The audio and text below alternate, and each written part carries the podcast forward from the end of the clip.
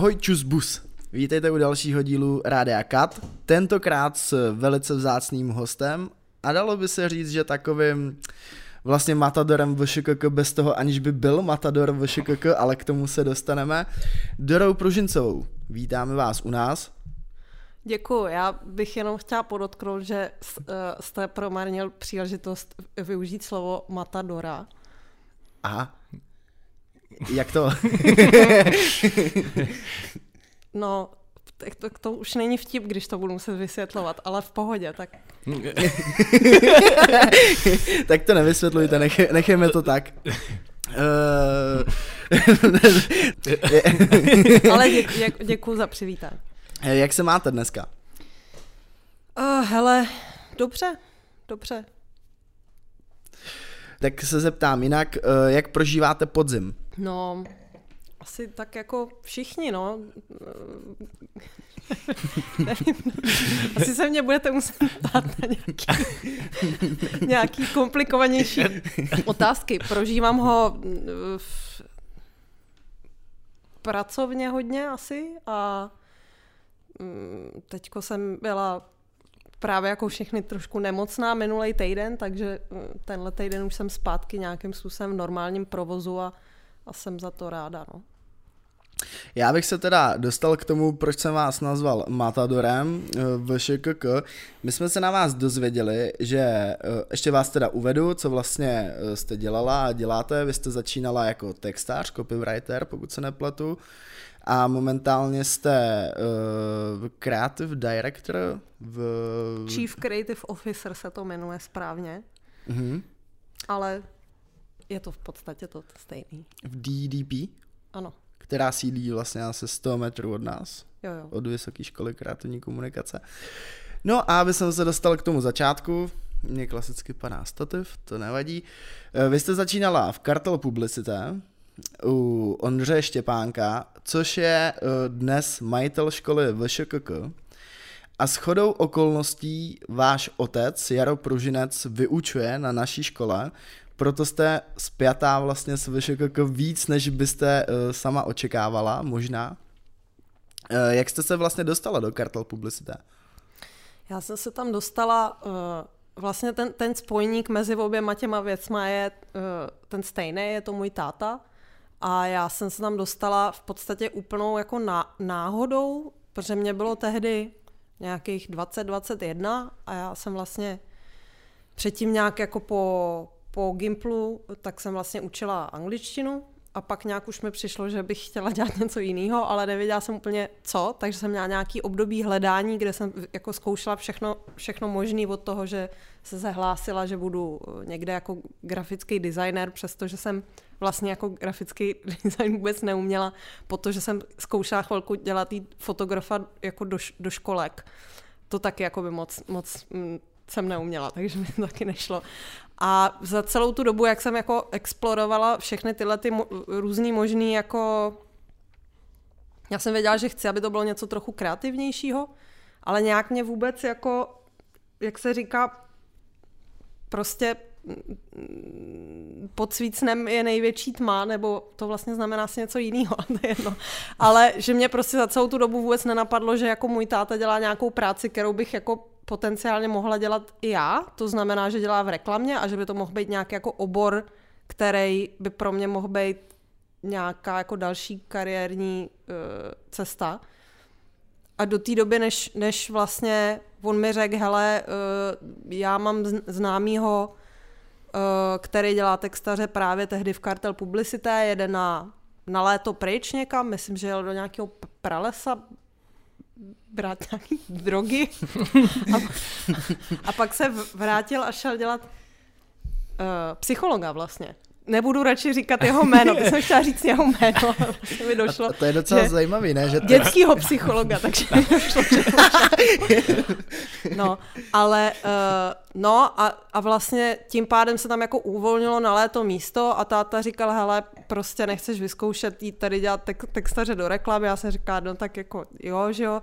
A no a prostě nějak se to, mi to zůstalo, no. Vy jste v rozhovoru pro uh, Forbes řekla, že textař nemusí nic umět. Ne, ne, pozor, to jsem, to jsem neřekla já, to jsem řekla, že to řekl můj táta. A že, eh, že to samozřejmě myslel, já jsem jednou tohleto někde to prostě, já to vždycky říkala ze srandy a už jsem to právě přestala říkat, protože jako samozřejmě nechci, aby to lidi brali vážně, co, co, jako on to říkal ze srandy, protože jenom pro kontext táta je vlastně uh, art director původně, uh, a takže ona je to taková jako trošku Uh, nějaká jako válka mezi art direktorama a textařema, kdo teda dělá té práce víc a říká se jasně, artiáci tam vždycky jako zůstávají do díl v té práci a tedy. A samozřejmě nějaký jako entry level skill pro art direktory nebo designery je jako vyšší ve smyslu, že musí umět s nějakýma technickýma programama nebo tak, ale to samozřejmě neznamená vůbec, že jako eh, textaři nemusí nic umět nebo že to jako asi je snaží to jít dělat bez nějaký jako konkrétní průpravy, anebo se to minimálně méně rychle pozná. Tak. My jsme se o tom s Jarem bavili tady eh, v našem školním klubu a Jaro říkal, no to bylo výborný. Dora to řekla v nějakém rozhovoru a teďka všichni kolegové z reklamky mi dávají CRS za to, že jsem jí něco takového říkal. No a jak jste dlouho byla v Kartel Publicita? Uh, myslím, že nějak rok necelý. No, nějaký rok necelý, myslím to bylo. A pak jste přišla do Kaspenu, že jo? Ano, pak jsem přišla do Kaspenu. A co byl ten poput k tomu? Tak poput byl, že tak poput byl nějaký peníze asi pravděpodobně v tu dobu.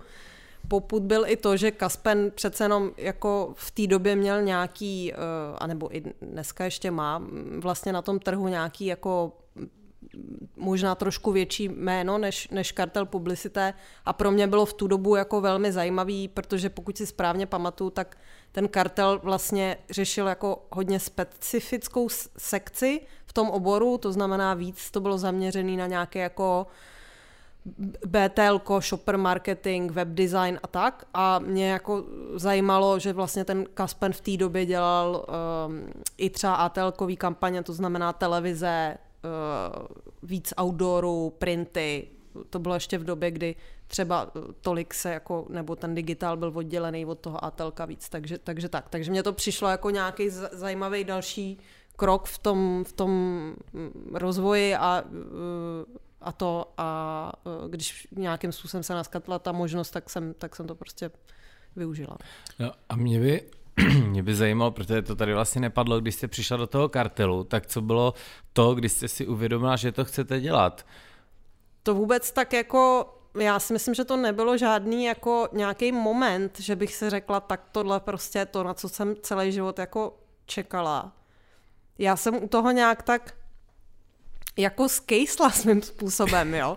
Ale to, to zní hrozně jako mm, pejorativně teď, já to tak nemyslím, ale spíš to byl nějaký proces, kde pro mě asi vždycky bylo jako důležitý mít pocit, že furt nějakým způsobem se to jako vyvíjí do, dopředu nějak. Ta, a teď to nemyslím jako kariéra, ale prostě vůbec to, čím se nějak jako zaobejvám. Které já jsem třeba ztratila právě u toho učení angličtiny, kde mi přišlo jako, což samozřejmě je nesmysl. Já jsem to tak jenom jako vnímala, že jsem někde už za, jako zasekla a třeba ty směry, kterými bych se mohla vyvíjet, typu, nevím, půjdu učit metodologii nebo něco, tak se mi jako nezdály úplně. A tady já jsem vlastně něco začala dělat, teď jsem tomu samozřejmě vůbec jako absolutně nerozuměla, ale vlastně od té doby, co jsem to začala dělat, až jako mám to štěstí, že můžu říct doteď, tak mám furt pocit, že se jako učím něco nového a že nějakým způsobem jako uh, se vy, vyvíjím jako člověk, jako profesionální člověk.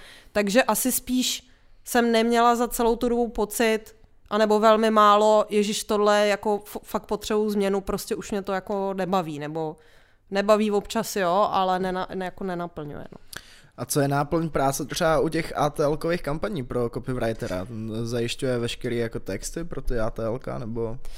No, eh, tak ono se to samozřejmě mění jako v průběhu času, já si myslím, že co vlastně většina lidí třeba mimo ten reklamní okruh, a já jsem to jako taky možná nevěděla, byť můj, můj táta vlastně v, v té reklamě dělal, tak jako nějaký dle nějakého jako tradičního agenturního modelu, tak vlastně veškerý nápady nebo kampaně vznikají v setupu art director a copywriter, ale to neznamená, že jako jeden člověk, nevím, dělá obrázek a druhý píše text, ale v, v podstatě hlavní je, že ty lidi to spolu jako vymýšlejí nějakým způsobem. A pak samozřejmě každý je zodpovědný za nějakou tu svou, jako svoji část toho, ale zároveň si myslím, že jako ve správném nějakém nastavení si do toho hodně kecají. Uh, takže tak no, ale dneska samozřejmě ty role se překrývají čím dál tím víc prostě a zároveň ta jako to jméno té pozice může zastřešovat strašně moc různých věcí. Jo. Copywriter je někdo, kdo prostě uh, dělá texty na web a SEO a stejně tak je to člověk, který prostě vymýšlí koncepty a píše, píše třeba skripty. Je to, eh, jo, art director je někdo, si říká někdo, kdo prostě se specializuje na motion design, jako stejně tak si říká art director někdo, kdo jako, eh, nevím, má třeba background uh, nevím, prostě v něčem jako jiným, jo. Dneska ty, jako už těch typů médií a těch typů těch jako um, dovedností je tak moc, že se nedá to jako jasně rozdělit a těch jako názvů pozice v těch agenturách čím dál tím víc v podstatě. No. A takže v Kaspenu jste byla spíš ten eh, skriptákový kopík? Ten, co dělá s, s art direktorem, nebo spíš ten SEO člověk? Uh, no já jsem jako uh, No, tak já jsem víc se vždycky nějakým způsobem profilovala spíš do toho, když použiju to slovo jako idea makera, to znamená někdo, kdo nějakým způsobem vymýšlí ty nápady a nebo je třeba jako formuluje nějakým způsobem, ale samozřejmě v tom Kaspenu jsem furt byla na poměrně juniorní pozici, takže jsem se tohle nějakým způsobem jako víc i učila od jako seniornějších kolegů a samozřejmě jsem dělala i hodně jako psaní, to znamená, eh, co si myslím, že je základ pro reklamního textaře, je uh, nějaká schopnost formulovat myšlenky v co nejstručnější formě, protože prostě třeba headline je jako klasická reklamní forma, která se opakuje, ať už je to na tiskovém materiálu, outdooru nebo prostě na facebookovém postu je tam omezený počet znaků, když to takhle řeknu, a je potřeba říct to, co je potřeba říct, ale zajímavým způsobem, který zachytí pozornost. A tohle je něco, co jako se člověk prostě musí jako naučit. To není, není nějaká jako automatická dovednost. Jo. A myslím si, nebo potkala jsem i hodně lidí, kteří umějí psát skvěle, jo, který jsou třeba zvyklí psát nevím, články novinové, knihy. Já to v, v životě bych si nemyslela, že něco takového já můžu dělat, ale tohle je prostě nějaká specifická dovednost, která, kterou je potřeba se naučit samostatně. No a vy jste z toho Kaspenu pak přešla do YNR uh-huh. a tam jste si vlastně poprvé, nebo tam jste poprvé posléze opustila pozici copywritera. Jo. Eh, jaký to byl pocit? To vám nabídli sami, nebo se to tak nějak jako vyeskalovalo z průběhu vaší práce? No, já jsem jako, no, nabídli mi to sami, no. Já jsem vždycky taková byla v tomhle vlastně jako uh, taková jako blbá trošku, že jsem si nikdy o nic jako neřekla. Ale na, jako měla jsem to strašný štěstí, že jsem kolem sebe měla lidi, kteří mi ty věci jako nabízeli sami. Takže jo, tehdy jsem nějakým způsobem dostala nabídku uh, být tam jako kreativní ředitelka teda a no, a vlastně řekla jsem si, já tak jako zároveň jsem na všechno vždycky říkala, jako proč, proč ne, že jo, tak prostě jsem řekla proč ne a zjistila jsem, že mě to vlastně jako uh, baví možná ještě mnohem víc, než být jako textař. A co je náplň kreativní ředitelky v reklamní agentuře? Já jen abych vysvětlil, proč se ptám na no. uh, poněkud hloupý otázky možná pro nějaký posluchače, tak uh, tenhle podcast právě poslouchají lidi, kterých uh, přemýšlejí o tom, že budou studovat na tady tu školu. Uh-huh. A nemají třeba vůbec ponětí o tom, jak funguje reklamní svět, ale zajímá je to, tak uh, z tohohle důvodu by vlastně i mě samotného to zajímalo. No. Jasně, ne, to nejsou vůbec blbý otázky, jakože uh, já se často setkávám s, s tím, že to v podstatě jako ne, třeba neví ani naši klienti, jako teď nechci, jako samozřejmě některý, jako hodně z nich ano, ale mm, prostě třeba lidi, který který nastoupí na juniorní pozice ke klientovi, jak jsem často s ním měla vlastně hovory na téma prostě, jo, a já taky jako nevím často, co která uh, pozice konkrétně znamená třeba v nějaký větší firmě, takže to je úplně jako přirozený, jo. Um, no, kreativní ředitel, já bych řekla, že ty zodpovědnosti jsou v podstatě dvě. Ta první část je zodpovědnost za tu práci, to znamená, um, a teď myslím si, že hodnotit je blbý slovo, já bych spíš řekla rozvíjet nějakým způsobem ty nápady těch týmů, který přinášejí na daný zadání. To znamená, myslím si, že co je asi jako nejtěžší skill pro, pro kreativního ředitele, je dát feedback takovým způsobem, aby to nevymyslel za, jako za ty lidi, jo, protože ono to třeba ze začátku k tomu hodně svádí, jakože radši teda jim řeknu, jak to mají udělat, než, než jako uh, jim říct, a co kdybyste zkusili tohle a tohle, aby ty lidi si k tomu jako došli sami, ale to prostě ne, jako nevede k ničemu dobrýmu, jednak protože pr, jako na co by tam pak byl ten tým, že jo, a jednak taky jako nikde není psaný, že ten kreativní ředitel má mít ty nejlepší nápady, jo. to je častý omyl. To musí spíš být člověk, který dokáže poznat dobrý nápad a který je schopný inspirovat ostatní lidi, aby nějakým způsobem někde na ten nápad přišli. Takže to je jedna část. Druhá část, která mi přijde čím dál tím jako důležitější, je starat se nějakým způsobem o obecně jako rozvoj těch lidí. Nějaká jako personální část té role. A třeba stává se v reklamních agenturách, že když totiž člověk kolikrát dává takhle nějaký feedback, eh, teda třeba to znám z toho školního prostředí, tak některý uh, lidi, uh, když na něčem pracují, co mají rádi, tak jsou třeba trošku hákliví na ten feedback, protože se zatím nápadem stojí, tak stává se třeba někdy, že se vyostří situace, protože někdo si řekne, ne, to, mně se to líbí, ale vy třeba musíte přijít a říct, no víš, jako to není úplně jako Hele, dobrý. tak stává se to samozřejmě na každodenní bázi, ale jako ta situace by se samozřejmě neměla jako vyostřovat, jo? nebo když se vyostřuje, tak je někde nějaký problém. Eh, myslím si, že lidi, jako ty týmy, textaři, arťáci, kdokoliv, tak čím díl pracují v tom oboru, tím a teď to neznamená, že by se neměli jako rvát za to, když mají pocit, že mají pravdu nebo když mají dobrý nápad, ale měli by umět přijímat ten feedback konstruktivně a to stejný kreativní ředitel by uměl, měl umět ten feedback podat tak, že jako dává lidem smysl. Jo, a, a obecně v tom, v tom našem oboru jako uh, umět si připustit nějaký komentář je, abych tak řekla, životně důležitý, jo, protože to, že něco feedbackuje kreativní ředitel je opravdu fakt jako první část v tom celém dlouhém procesu, než ten nápad jako, ono to zvni, zvenčí jako vypadá, nebo já jsem si vždycky, když jsem mluv, jako byla malá, mluvila jsem s tátou o tom, jaký měli nápad a pro, jako, že nakonec se to nějak jako neudělalo, nebo se to udělalo jinak, jsem nikdy ne, jako si nedokázala představit, jak jako dlouhý proces je zatím, než něco, jako někdo má nějaký nápad a než se to jako realizuje, ale zatím je opravdu jako mnoho, mnoho schůzek, mnoho kol, eh, často testování, úpravy a tak dále. A takže mít představu, že si budu trvat na svém názoru a jako nikdo mi do toho nemůže mluvit, tak to prostě bohužel se ne, jako nestřetne s nějakou jako realitou té práce. No. A je to spíš bohužel nebo bohudík? Ale já myslím, že v obojí. Uh, bohu dík, protože já hodně věřím na to, že jako ta nejlepší práce vzniká v nějaký jako kolaboraci a čím víc lidí mám možnost nějakým způsobem se do toho jako zapojit, tím ten nápad může být často i lepší.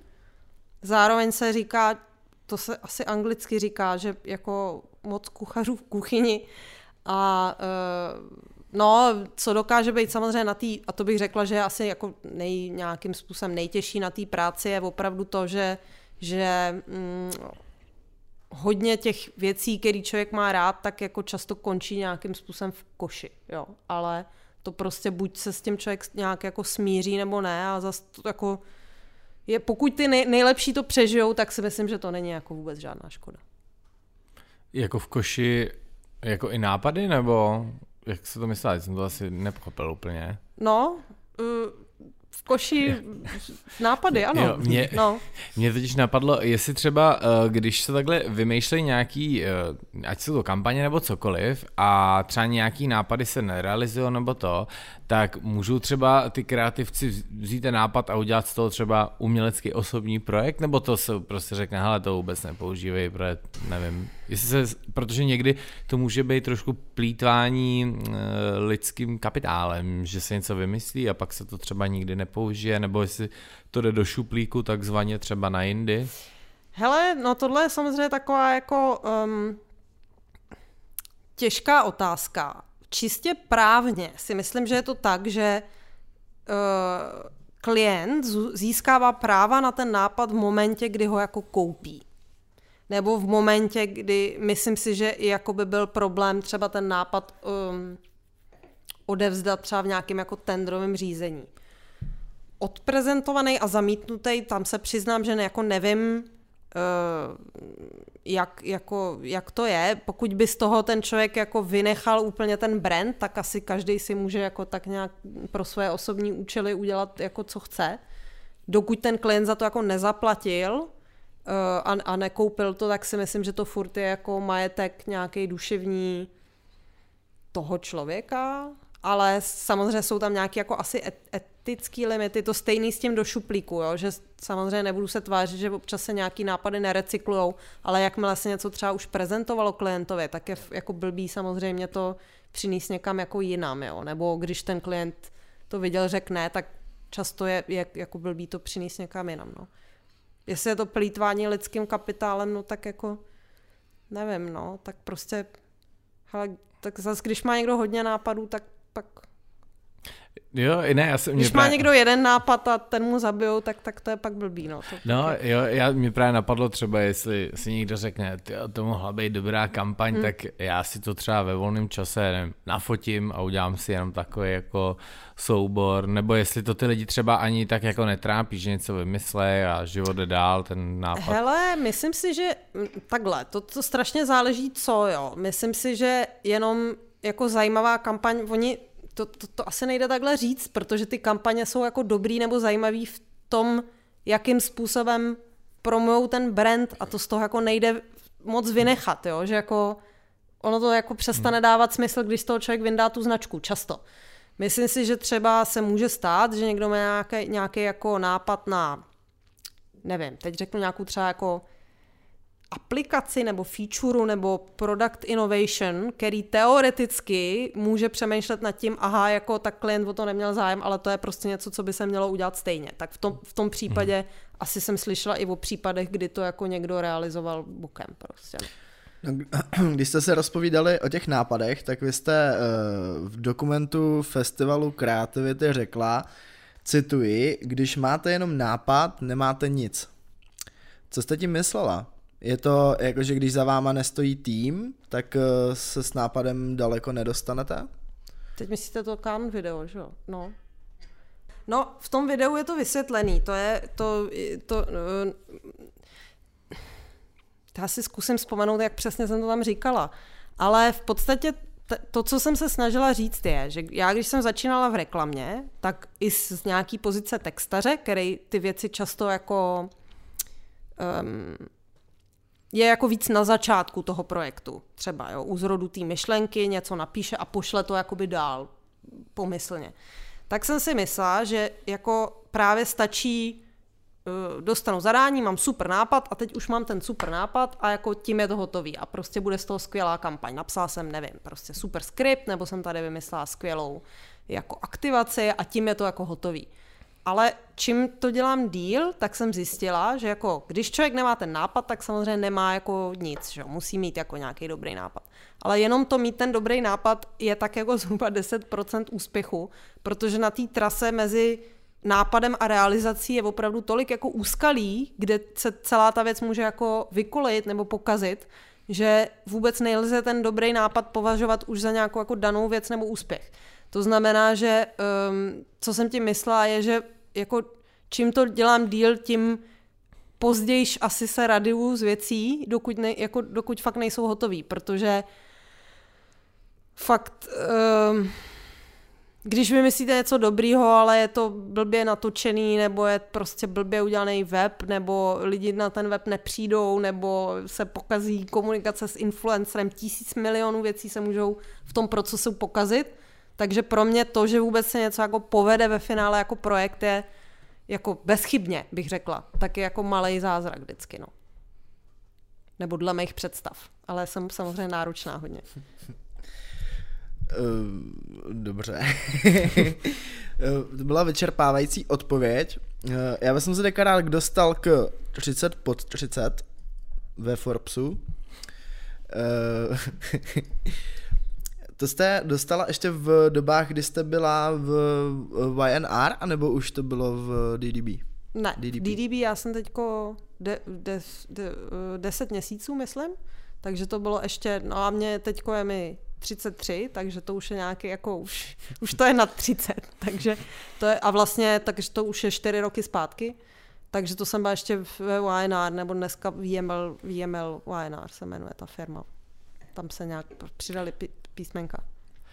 A, a vlastně co to obnáší? To vás kontaktují, jakože vám zavolají, a dobrý den, dali jsme vás do Forbes. A jo, nebo... přesně tak, no.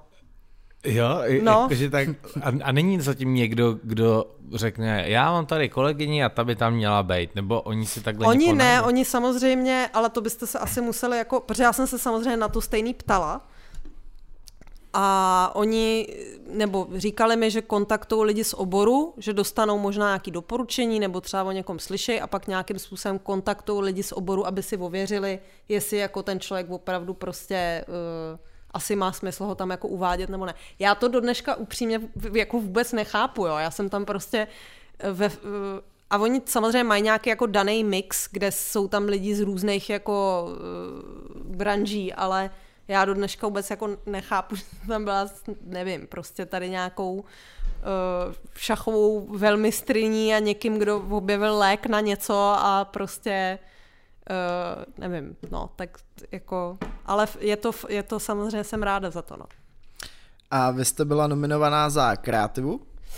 Eh, vůbec ne, jako já nevím za co specificky, prostě nějaká osobnost reklamní asi bylo asi jako bylo zajímavý, nebo na co mě se tam hodně ptali, je uh, věk, ve kterém já jsem dosáhla nějakých jako úspěchů v tom reklamním světě, to znamená vyhrála nějaký jako reklamní ceny, nebo se případně dostala na tu jako poměrně seniorní pozici toho kreativního ředitele, jako vlastně v, jako možná neobvykle brzo ve velkých firmách.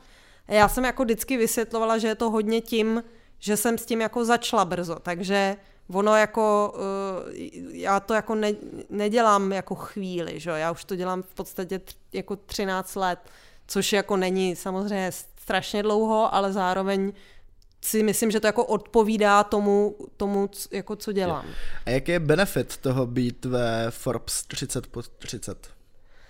No, benefit, mm, tak asi, to asi strašně záleží, jo. Myslím si, že, uh, že je to vždycky věc, která jako je vidět, to znamená zviditelní to člověka v rámci toho oboru. Um, Myslím si, že to znamená něco jiného pro jako různý typy odborů. Myslím si, že to třeba znamená hodně, hodně pro lidi, kteří mají vlastní firmy nebo startupy, protože tam to zviditelnění je samozřejmě jako strašně podstatný.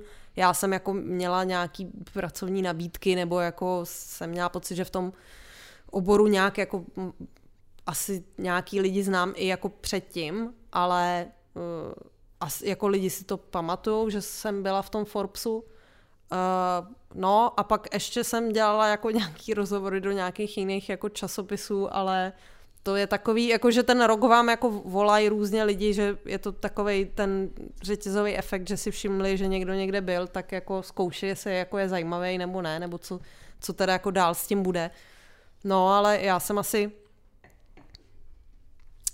um, No, nevím, říkám si doteď, jestli jsem jako využila nějak ten potenciál toho naplno, ale tě, jako těž, těžko říct, no, tak člověk na to nějak není jako připravený, nebo mu neřeknou, co to jako má znamenat, no.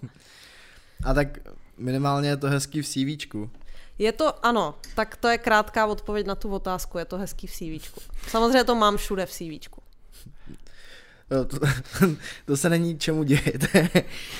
je něco, to je taková osobní otázka možná, čeho ve své profesní kariéře litujete? Že jste udělala kampaň třeba pro někoho, s kým už byste do toho nešla dneska, nebo co byl fakt jako přešlap totální? Uh, přemýšlím. Asi... Třeba ano, nebo tak. Ne, to ne, to, to, to ne. Uh, to bych hlavně jako neřekla. Ne, ale... Uh, a to asi jako bych ani nedělala zároveň ještě v agentuře, to by se nedalo stíhat. Jo. Um, um, ne, ne, asi, asi není nic, čeho, čeho jako lituju. A jsou vůbec uh, reklamní agentury, který třeba jako nějaký velký, který ze zásady nedělají třeba reklamy na alkohol, tabák a tak, že třeba kdyby nějaká alkoholová společnost chtěla reklamu, tak ví, tady XY reklamka tam nemůže mít, protože ty to nedělají. Mají to vůbec nějaký takhle reklamní agentury nebo berou všechno? To si myslím, že jsou nějaký jako dva, uh, uh, jak to říct, vyhrocený póly. Myslím si, že většina těch ag, jako agentur já nevím, jestli někdo má nějaký jasně daný jako pravidla etický kodex, myslím si, že jako asi může být někdo, kdo odmítá nějaký typy klientů. Nedok, jako nedokážu si to představit v těch velkých, velkých agenturách, protože co jsem zažila, tak jako na českém trhu upřímně nedělat alkohol je, je, to je jako hodně těžký, když děláte v agentuře. Eh, co se týče těch cigaret, tak jako eh, tam samozřejmě furt se to nějak jako proměňuje, ale to, to jako byly taky velký klienti, který spousta agentur má. Myslím si, že co ale jako funguje jako nějaký etický etická možnost v těch agenturách je, že individuální lidi můžou říct, že na těch věcech třeba dělat jako nebudou. Jo. No. Jako z etického rozpoložení jedince, předpokládám. Třeba, no. Třeba. Jako ono těch problematických věcí je jako víc samozřejmě. Jo. A stalo se vám to někdy, že jste řekla, hele, sorry, na tohle nemám žaludek, koule, nechce se mi do toho z něčeho... Asi jsem se nedostala do té situace. Já jsem teda jako... Um, vlastně byť jsem byla dlouho kuřák, tak ty, zrovna ty, ty, ten cigaretový jako account to mě nikdy nepotkalo. Pivních značek nebo alkoholových značek jsem dělala hodně. Um, a no a pak co ještě, samozřejmě, když jsem dělala nějaký třeba finanční instituce, tak většinou ty seriózní politické kampaně, to se mi tak jako vyhlo. Um, co ještě kontroverzní, no? Asi, asi nikdy Léky. mě jako... Kdo? Léky. Léky, tak to taky jsem, taky jsem vlastně na tom nepracovala. No, elektroauta. Takže...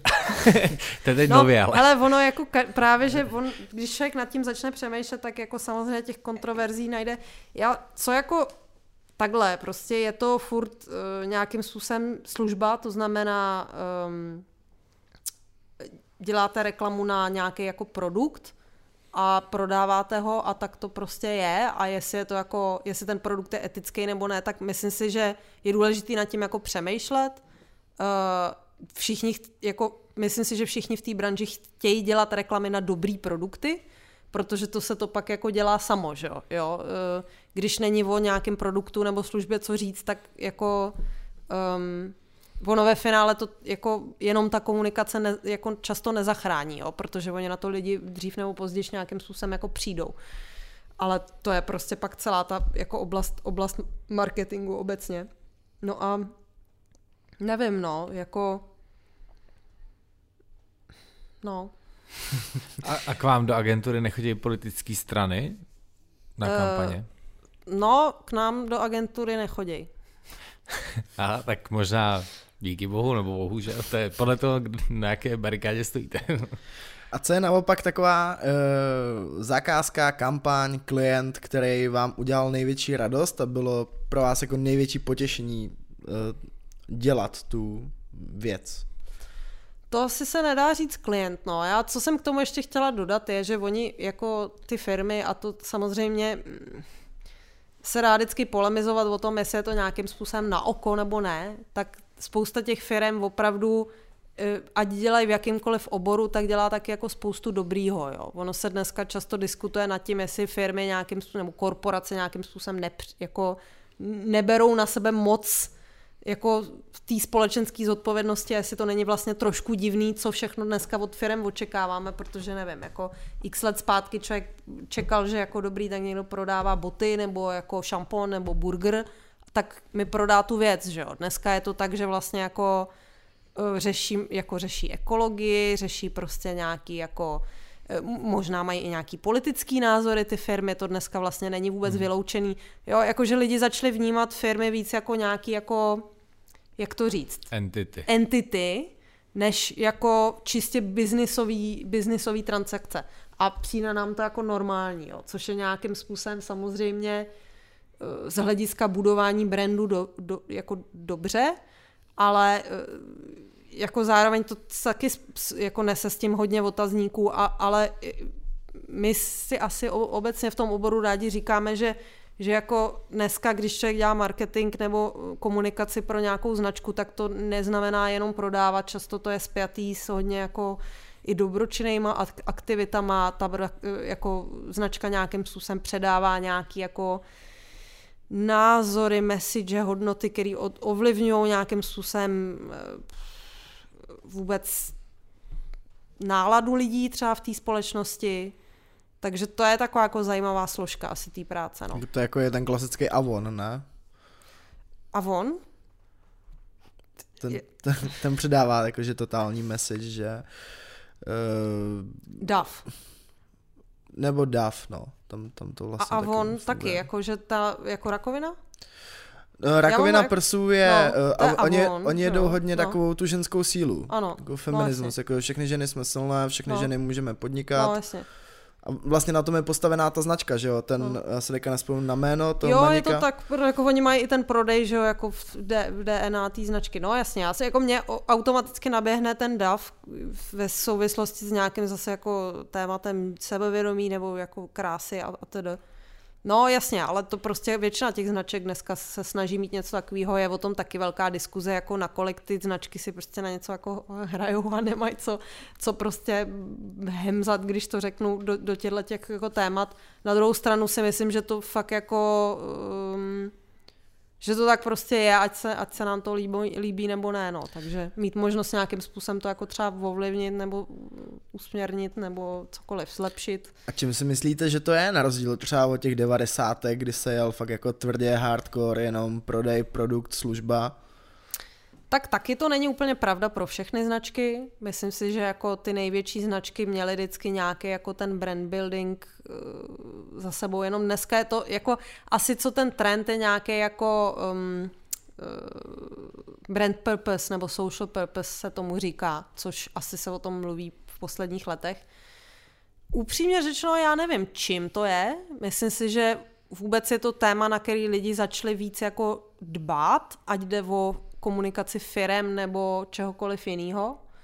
Uh, no a tak a, a myslím si, že vlastně najednou je to jenom změna toho skrz co něco jako prodávám nebo co přijde lidem jako důležitý kritéria volby, když se podívají na to, jestli nějakou službu nebo produkt chtějí.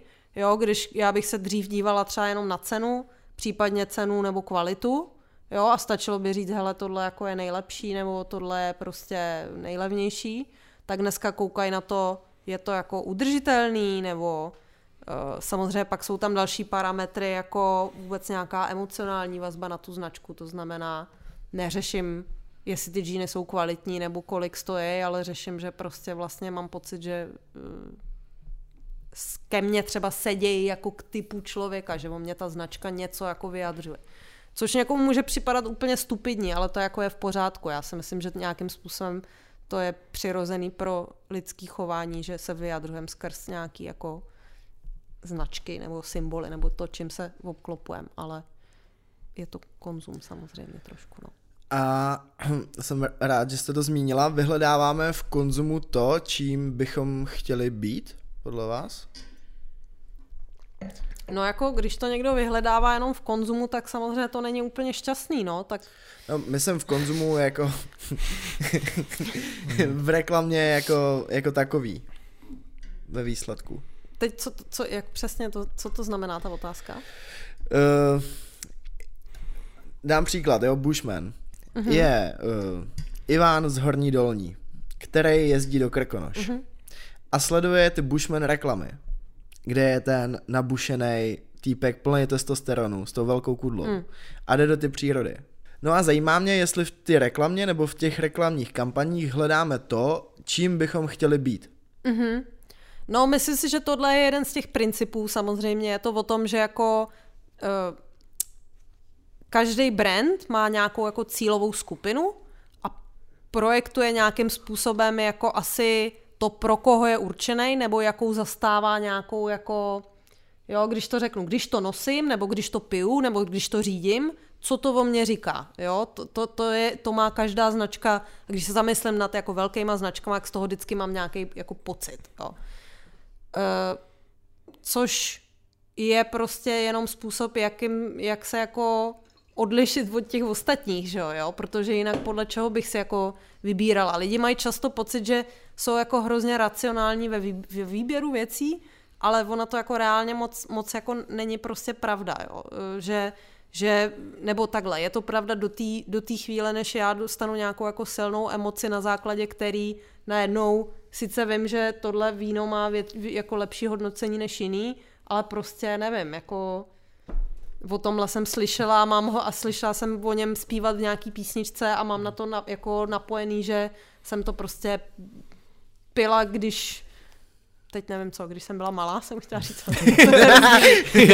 jo, takže samozřejmě pro brand, když se dostane do nějaký týhletý jako emocionální sféry lidí, to není žádný jako, jak to říct, um, já jsem se brainwashing, jo, ale... Já jsem se spíš chtěl zeptat na to, jestli ty mm, reklamní kampaně mm-hmm. budou životní styl u těch lidí. Budujou, nevím, no, tak to je jako... Nebo ty, ty lidi by chtěli, aby ty reklamní kampaně hmm. budovaly ten životní styl, když to řeknu takhle. Tak jako budujou filmy životní styl?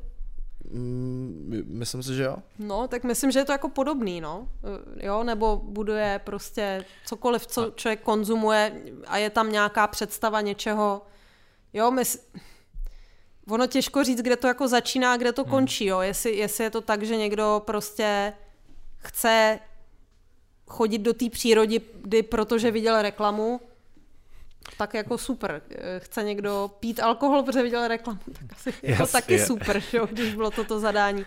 Ale jestli to je ten začátek nebo nějaký jako už ten člověk by to dělal bez tak, ale pak třeba to chce dělat a nějakým způsobem si tam najde k hmm. němu do života cestu ten brand, tak to je já si myslím, že podle mě reklamy a i ty filmy jsou spíš přitakávání, jo? že to je ve smyslu přesně, není to jako, že já snímu televize, vidím reklamu na nějaký zálesácký oblečení a řeknu si, mega se mi stane zálesák, ale je to spíš jako, já už jsem ten zálesák a ta reklama... To strašně, to strašně záleží. Tam je to podle těch cílových skupin, kde samozřejmě cílová skupina buď by byla lidi, kteří už o tom mají zájem, hmm. anebo by to fakt bylo o tom, a jako často jsem, je, Hele, jenom statistika, co byl minulý rok během lockdownu, že jo, ten um, seriál na Netflixu um, o těch šachách, Queen's Gambit. Jo, jo, jo.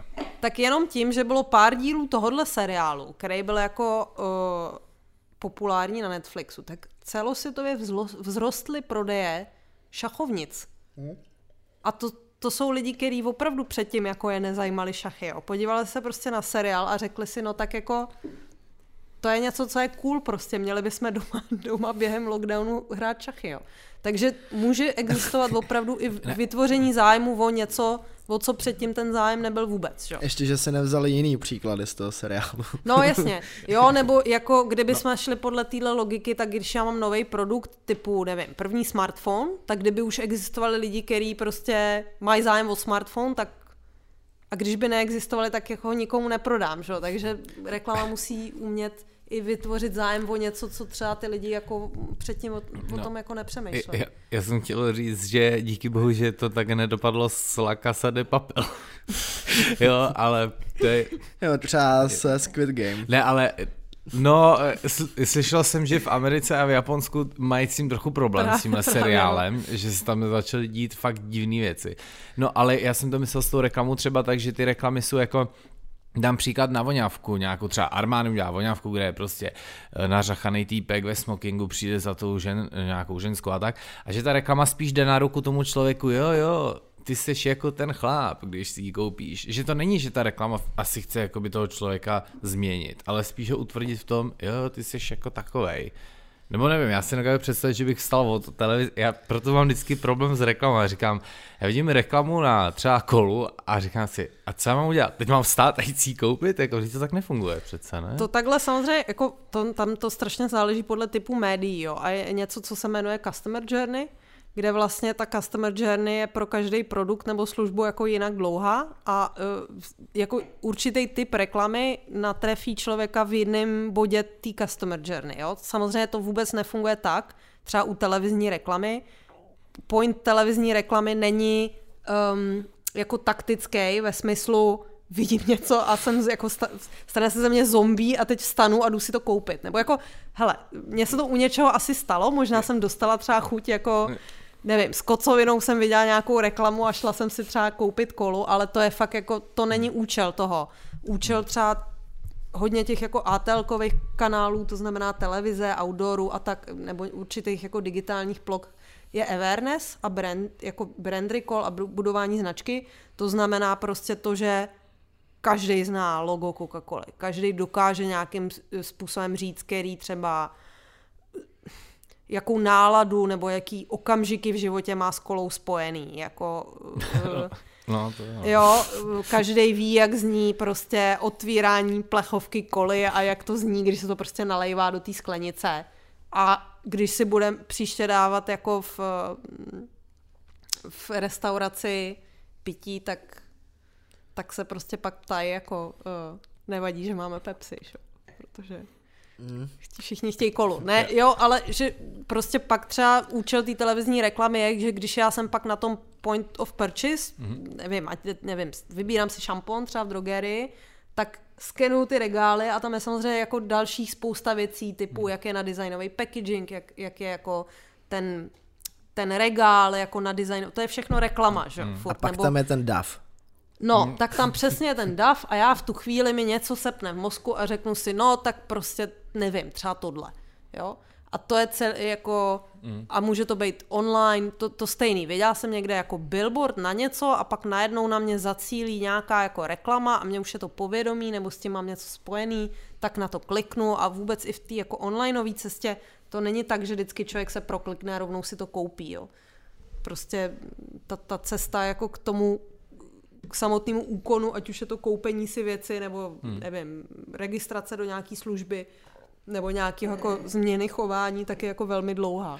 A znáte tu reklamu na Pepsi, co udělala Pepsi Cola, to nevadí, že máme Pepsi. Viděla jste to? To je americká reklama. Jak přijde servírka a co se dáte k pití a tam mi nějak eh, právě padne ta věta, nevadí, že máme Pepsi a najednou odjede takhle kamera tam je ta zpěvačka Cardi B a říká, co to dovolujete, jako, jak nevadí Pepsi. A, t- a jako začínám repovat, a lidi tam začnou tancovat a je to celý jako postavený na tomhle fenoménu, ale který je neviděla jsem, neviděla jsem tuhle konkrétní, ale tohle, co, co právě jako o čem mluvíme, je to tomu, jako my tomu říkáme insight a to je to jako nejlepší, co člověk může v reklamě mít, a je to přesně to, že já se nějakým způsobem jako napojím na něco, co lidi znají, nebo to cítí, jako že to je jako vtipný nebo vážný, protože to je prostě pravda. A jako rázem tohle z té značky dělá vlastně něco, co jako je mi ta značka sympatická, protože dokáže si přiznat, že vlastně o tom lidi takhle mluví a udělat si sama ze sebe srandu, že? Což, no. což je jako super. Což je vlastně princip CNC, se to jmenuje v Česku? Mhm jsme dvojka na trhu hned CZC, po jo, to je CZC. náš klient, to je náš klient. Aha, no, no, no. to je váš klient. No. A to mi přišlo jako super kampaň. No jasně. Jsme, jsme druhý nejlepší, jakože no. A tak to je Alza. jako mm, podobný přístup hmm. vlastně, jo, hmm. protože to jsou takzvaný challenger brandy, které jsou jako menší, můžou, nebo třeba my máme jako klienta McDonald teda, ale tím pádem sledujeme hodně komunikaci i konkurence. Je to třeba v zahraničí nebo i tady Burger King, který má taky jako tu komunikaci postavenou hodně na tom, že jako challengeujou tu jedničku a můžou si dovolit být víc jako mm, jak to říct, kontroverzní, nebo jako jít do nějaký kon- konfrontace, nebo si ze sebe dělat srandu. Zase na druhou stranu ty, ty jako největší hráči na trhu, uh, jako je McDonald's, nebo předtím jsem dělala třeba českou spořitelnu tady u nás, tak jako toto jako je, nebo plzeňský prazdroj, tak ta komunikace je zase úplně jiná z této pozice. Jo, že jako já, když jsem největší na trhu, tak samozřejmě nemá vůbec smysl střílet jako do, do, do ostatních, mm. spíš jako tak nějak um, jsem zodpovědná za tu kategorii a nějak se chovám jako ten lídr. A Plzeň jste dělala v DDB nebo v Kaspanu? V Yangu. Jo. Jo. to mezi. OK. No, náš čas se vlastně uh, už dávno uchýlil ke konci. My jsme se nějak nakonec zakecali ještě. Říkal. Uh, já mám ještě, nebo chtěl jsem se zeptat na jednu otázku uh-huh. a teďka vás uh, naopak poprosím o stručnou odpověď. Uh, jste jako um, kreativní ředitelka i konzument konkurenčních a i svých reklam? Když vidíte reklamu, ať uh, online, offline, konzumujete to, anebo máte takovou tu profesní jo. deformaci, že si říkáte uh, reklama? No mě vždycky, zkoušej. No mě, jako mě reklamy vždycky bavily, se přiznám, jo. Takže takhle, jediná výjimka je samozřejmě od, jako naprosto otravný formáty, jako nepřeskočitelný pre a pop-up bannery a, a jako letáky, to asi všichni známe. Pokud to náhodou není jako prostě dobře udělaný. Já, asi jsem, já, jsem, já si myslím, že jsem jako Samozřejmě, mu, naše, no. To, to, ale ne, jakože já si myslím, že naopak já jsem jako profesně deformovaná tak, že na ty věci mnohem víc koukám než normální lidi, jo. Takže spíš než, že bych to jako přeskakovala nebo to blokovala, tak jako mnohem víc tam řeším asi věci, které lidi jako normálně neřešejí. No. Uh, OK. Máme tady na konci eh, každého dílu takovou věc, Zase to říkám na konci dílu, nikdy to neřeknu off record před natáčením, protože to už je vlastně taková ustálená konstanta, že je to jedno. Eh, každýho hosta se ptáme, co je jeho statement nebo jeho životní moto, kterým se řídí a může to být zároveň i vzkaz buď pro někoho konkrétního nebo jako do pléna. Tak eh, co je to vaše? Ježíš Maria, no tak to je jako lepší říct samozřejmě Nevím, asi moto je nikdy neříkej nic, co jsi dopředu nepromyslel. je to odpověď? Ne, to je, to je asi da, blbý moto. Dá se říct. Ale je to asi, bych řekla, že ne, ne, no, to je moje takový nepromyšlený moto, takže tím To je nejkreativnější moto, který jsme tady měli jo? zatím. OK, tak, tak jsem ráda, super. že jsem dostala svoji funkci. Vy máte vlastně dneska dvě prvenství. Host, který přišel jako první na čas a host s nejkreativnějším motem. Hmm, tak to bych řekla, že mě ty, tyhle ty dvě věci docela vystihují. No. Můžete si dát do CVčka po ten Forbes jo. hnedka. Možná i na to. Eh, moc díky za vaši návštěvu. Bylo děkuji. to příjemné popovídání. Děkuji, děkuji za pozvání. My taky děkujeme. okay. můžeme začít oslavovat 17. listopad. Jo, vy to uslyšíte až příští týden, tak my jdeme oslavovat 17. listopad. Musíš to vystříhnout. Tak čau. Mějte se, čau.